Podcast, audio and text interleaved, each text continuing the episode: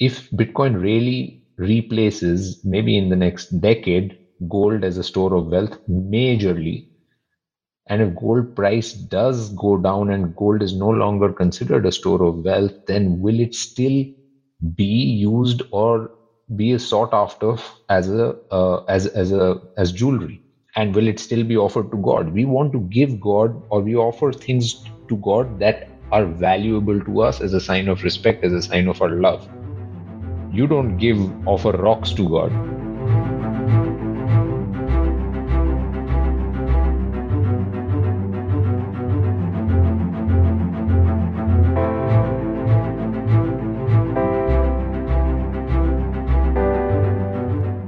Hi guys, welcome to another episode of Money Shot. In the last few episodes, we must have spoken about gold a lot and we have told you that we will dedicate an episode to gold and bitcoin. So this episode is about gold versus bitcoin. We are going to cover the main characteristic similarities. What is gold? What is bitcoin? Why are it so similar? Why do they get talked about in the same sentence so often? And then we have some questions for each other. So i'm davis. I'm parikshit. And i'm vishesh.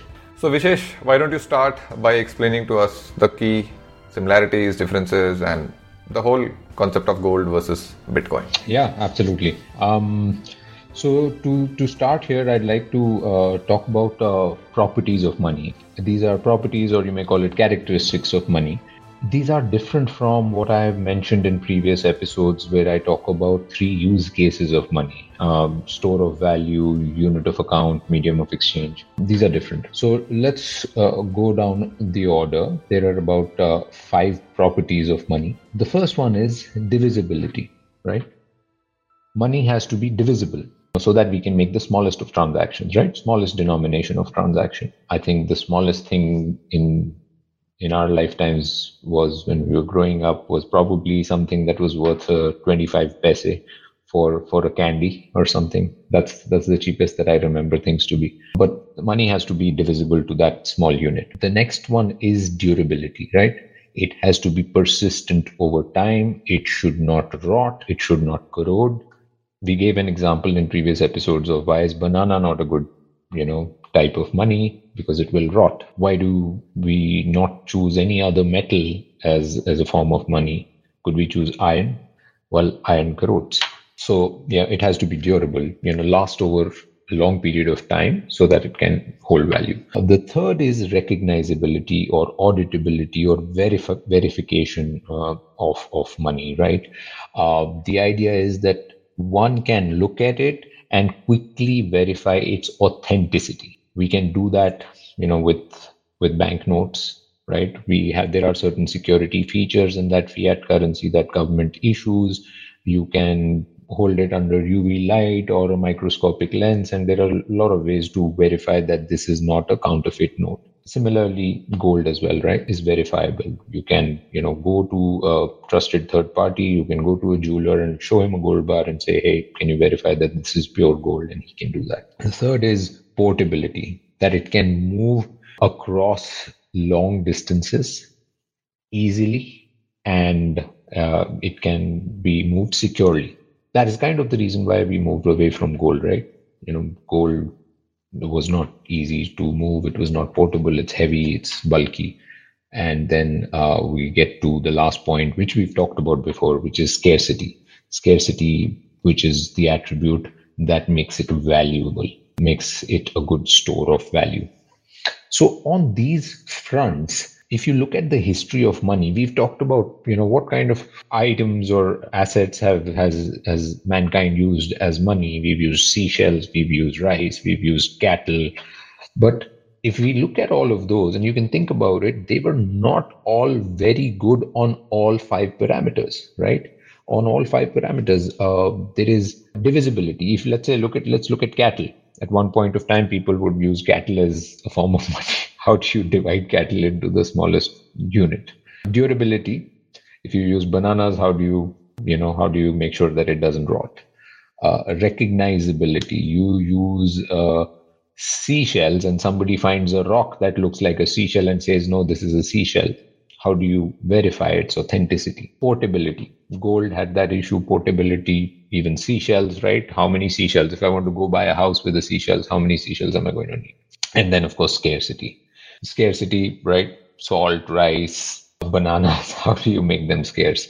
So all these uh, assets prove to not be good form of money. And as human civilization or uh, mankind realized that these are not because of one of these failings, because of one of these five characteristics on which they were failing, we moved on to a better form of money over time.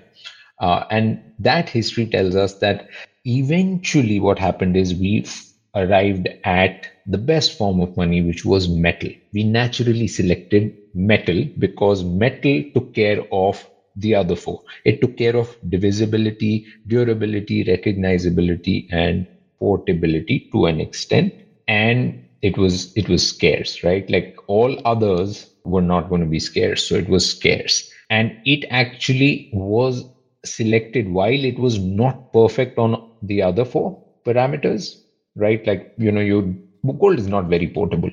Uh, yet on the scarcity front it was so important. And so that i think is important for us to understand that what was valued by the global economy what was which of the five attributes was most valuable right? Even though gold was not perfect as a portable asset or a divisible asset because of the fact that it was so supreme in terms of its scarcity it was chosen as the last form of met- metallic money so to say right last metal that was known to be money and it continues to play a pseudo money sort of a role so it has never been replaced for that so what are the drawbacks of gold on these five parameters, right? There are basically three that the gold that gold is not really good at. Gold is not really good at divisibility. We were go- going back to my example of uh, we the smallest transaction, right? If I want to buy one candy with gold, and if it is worth 25 paise or 25 cent, or whatever it is, I would literally have to take a gold bar and take a sandpaper, go to a store and scrape off some gold, which will be worth 25 paise. Gold dust is what will be equivalent to that amount of transaction. And how does he verify that? So it's so inefficient. It's not divisible. Portability, we've already talked about it. Large, heavy, you know, long distances, transactions, difficult to do. Recognizability or verifiability, right? Authenticity, that's the third uh, drawback. We think that yes, oh, gold is verifiable. You can take it to someone and he will verify it for you. But imagine what kind of friction that causes in a seamless trade or seamless transaction and global payment infrastructure. Just imagine what kind of friction that will cause. Every transaction, every time you receive a gold bar, now I have to go to a third party who can verify that this entire bar is pure, pure gold. And there are scams, right? Like they'll plate it with gold, two inches thick there's gold but in the middle is something else there it is it's not gold it's an alloy so did you go and melt every bar down and break it down and only then can you verify it how can you do seamless transactions and how can you do instant trade like that? And those kinds of scams happen even today. So on these three scales gold became inferior. I shouldn't say inferior. It was not perfect because were, it was still not inferior to anything until the discovery of bitcoin. So anyway to address these three factors or downsides of gold, the world moved on to okay, what's the next best form of money? They moved on to government backed fiat currencies, coins, and paper notes. But in addressing these three drawbacks of gold, we lost out on the biggest biggest factor which was scarcity right we chose gold because it was scarce and then we let go of that scarcity factor for fiat currency. But that didn't happen overnight. When we moved from gold to fiat currencies, the first transition was all central banks globally, when they agreed to use gold as a form of money, pegged their currencies to the value of gold that they were holding. So they were bound by how much gold reserves they had, and they could only issue as much fiat currency equivalent to in their economy equivalent to the gold reserves that they had. But unfortunately, this is where comes the problem of trust, right?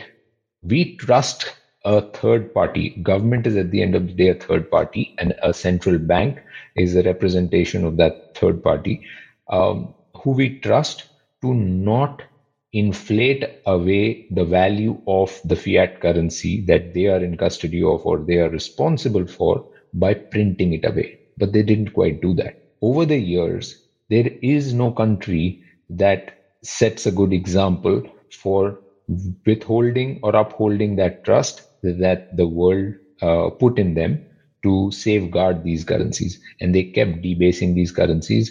And why do they do that? They do that because of bad political decisions. Simple answer is I mean, you look at uh, when these recessionary situations occur, the easiest way for politicians to get out or global leaders to get out of trouble is hey, let's print some money, let's give some free money to paper over the cracks of these poor economic decisions that have been made over the years and let's get out of the situation. I am a democratically elected leader.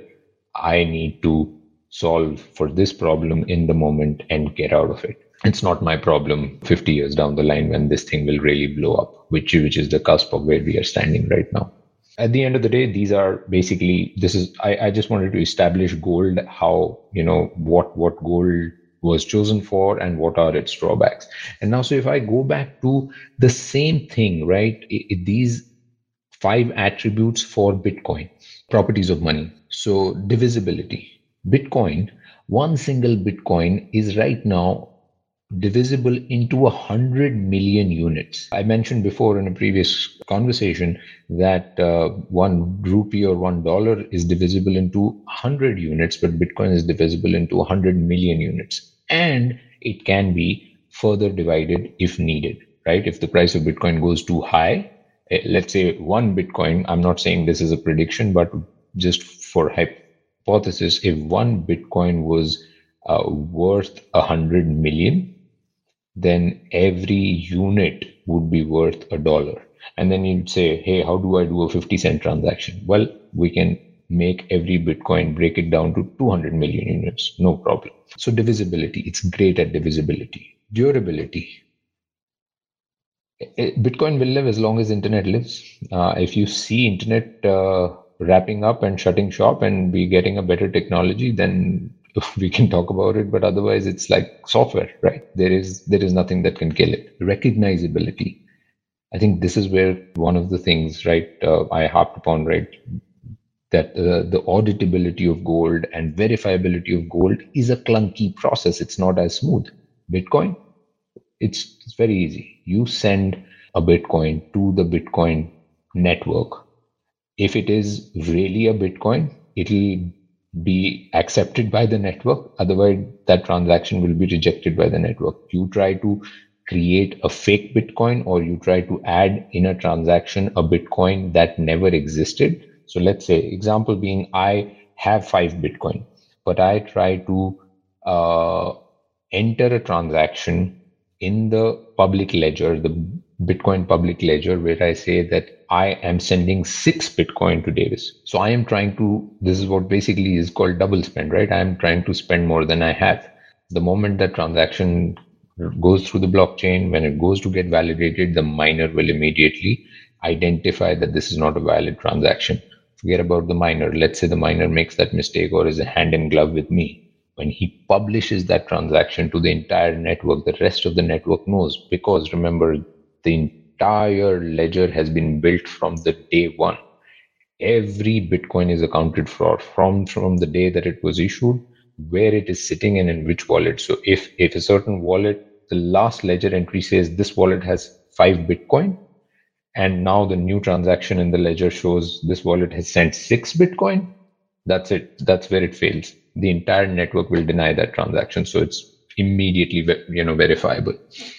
Portability. I mean, things just keep getting better, right? Like, how can you beat Bitcoin, which is a payment communications network? It is at the end of the day a communication network in which you are communicating transfer of value, and it is happening all over internet. I can't even compare uh, this to gold. Um, it's it's foolish to compare this to gold, right?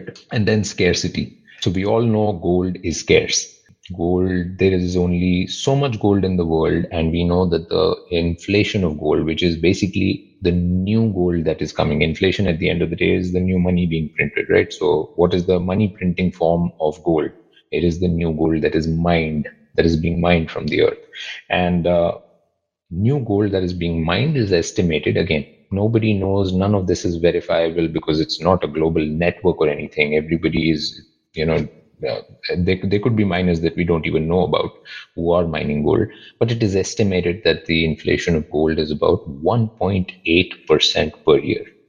So there is a consistent, steady inflation in gold.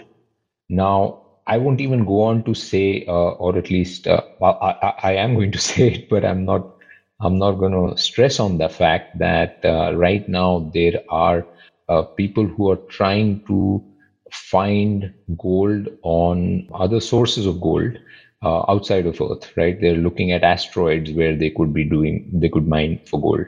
Now, we don't think that this can happen in the next five, seven, ten years, but could this happen in the next 20, 30 years? Look at Elon Musk. In fact, Elon Musk is one of the guys who made that statement. So, could this happen in the next 20, 30 years? Uh, the way his uh, company SpaceX is, uh, you know, progressing. If it does, then the inflation of gold can increase even further. And so we know that inflation is, uh, we've sort of established that inflation is at the end of the day the root cause of causing debasement of money.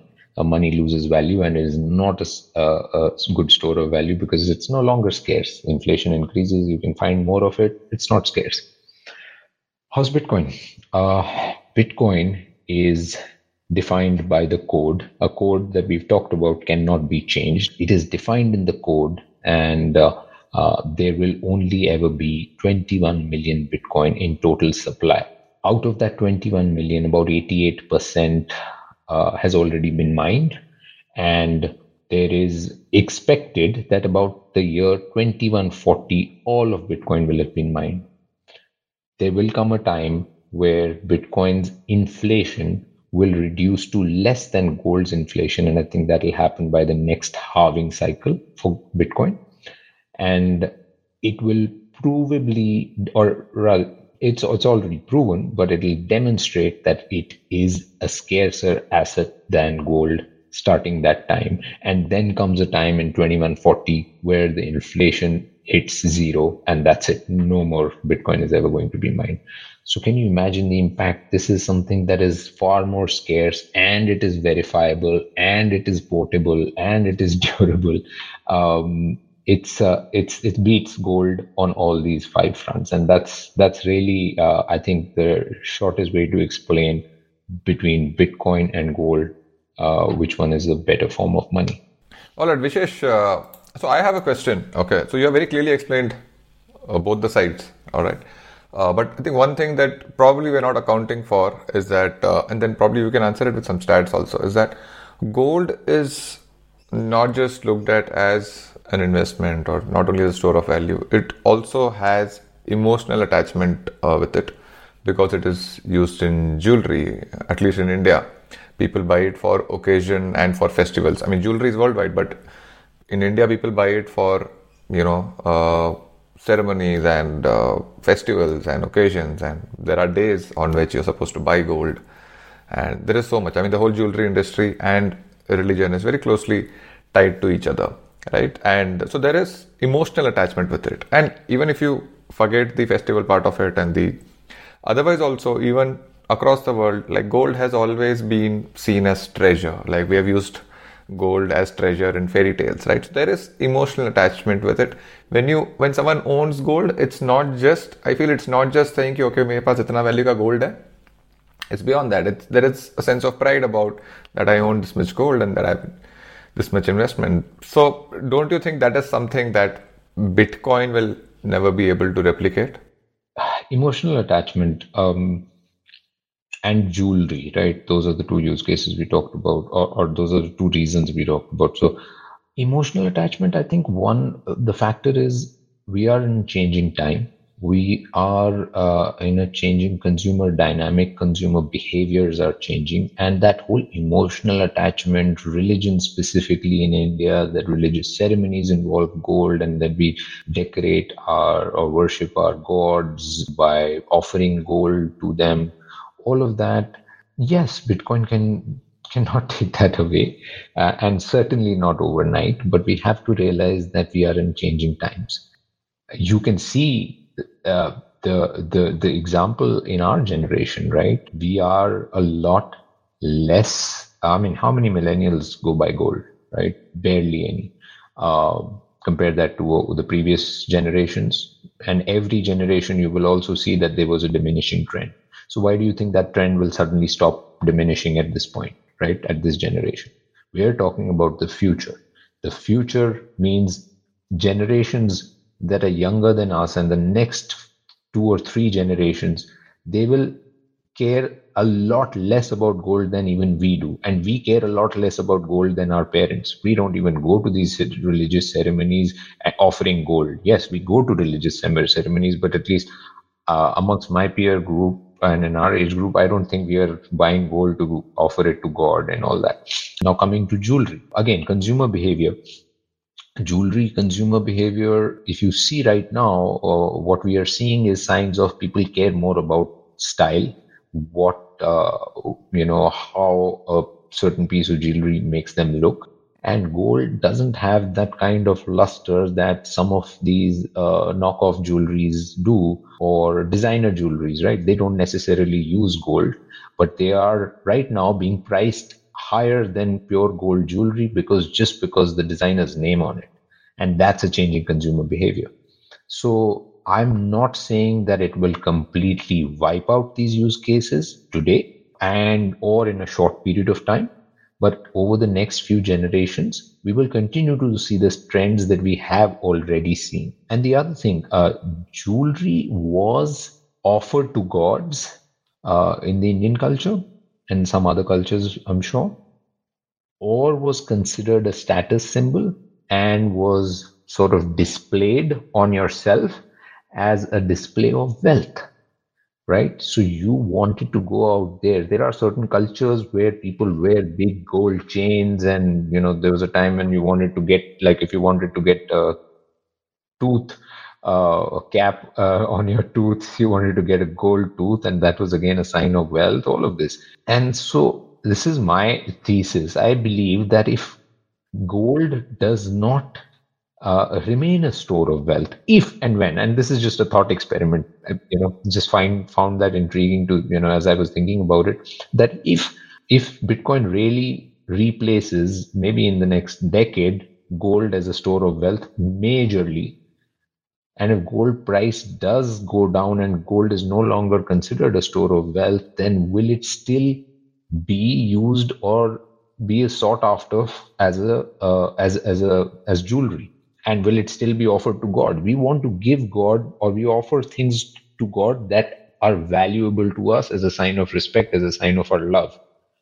You don't give offer rocks to God because they have no value you offer gold to God. But if it no longer is valuable monetarily, the economy doesn't value it, maybe we'll start seeing changing traditions. People who today buy gold jewelry may not care about gold jewelry at all, and they might be happy with whatever designer jewelry, whether it's made of plastic or any other alloy. That is, you know, the value is really in the designer's design and his branding at the end. So yeah, that's that's what I think.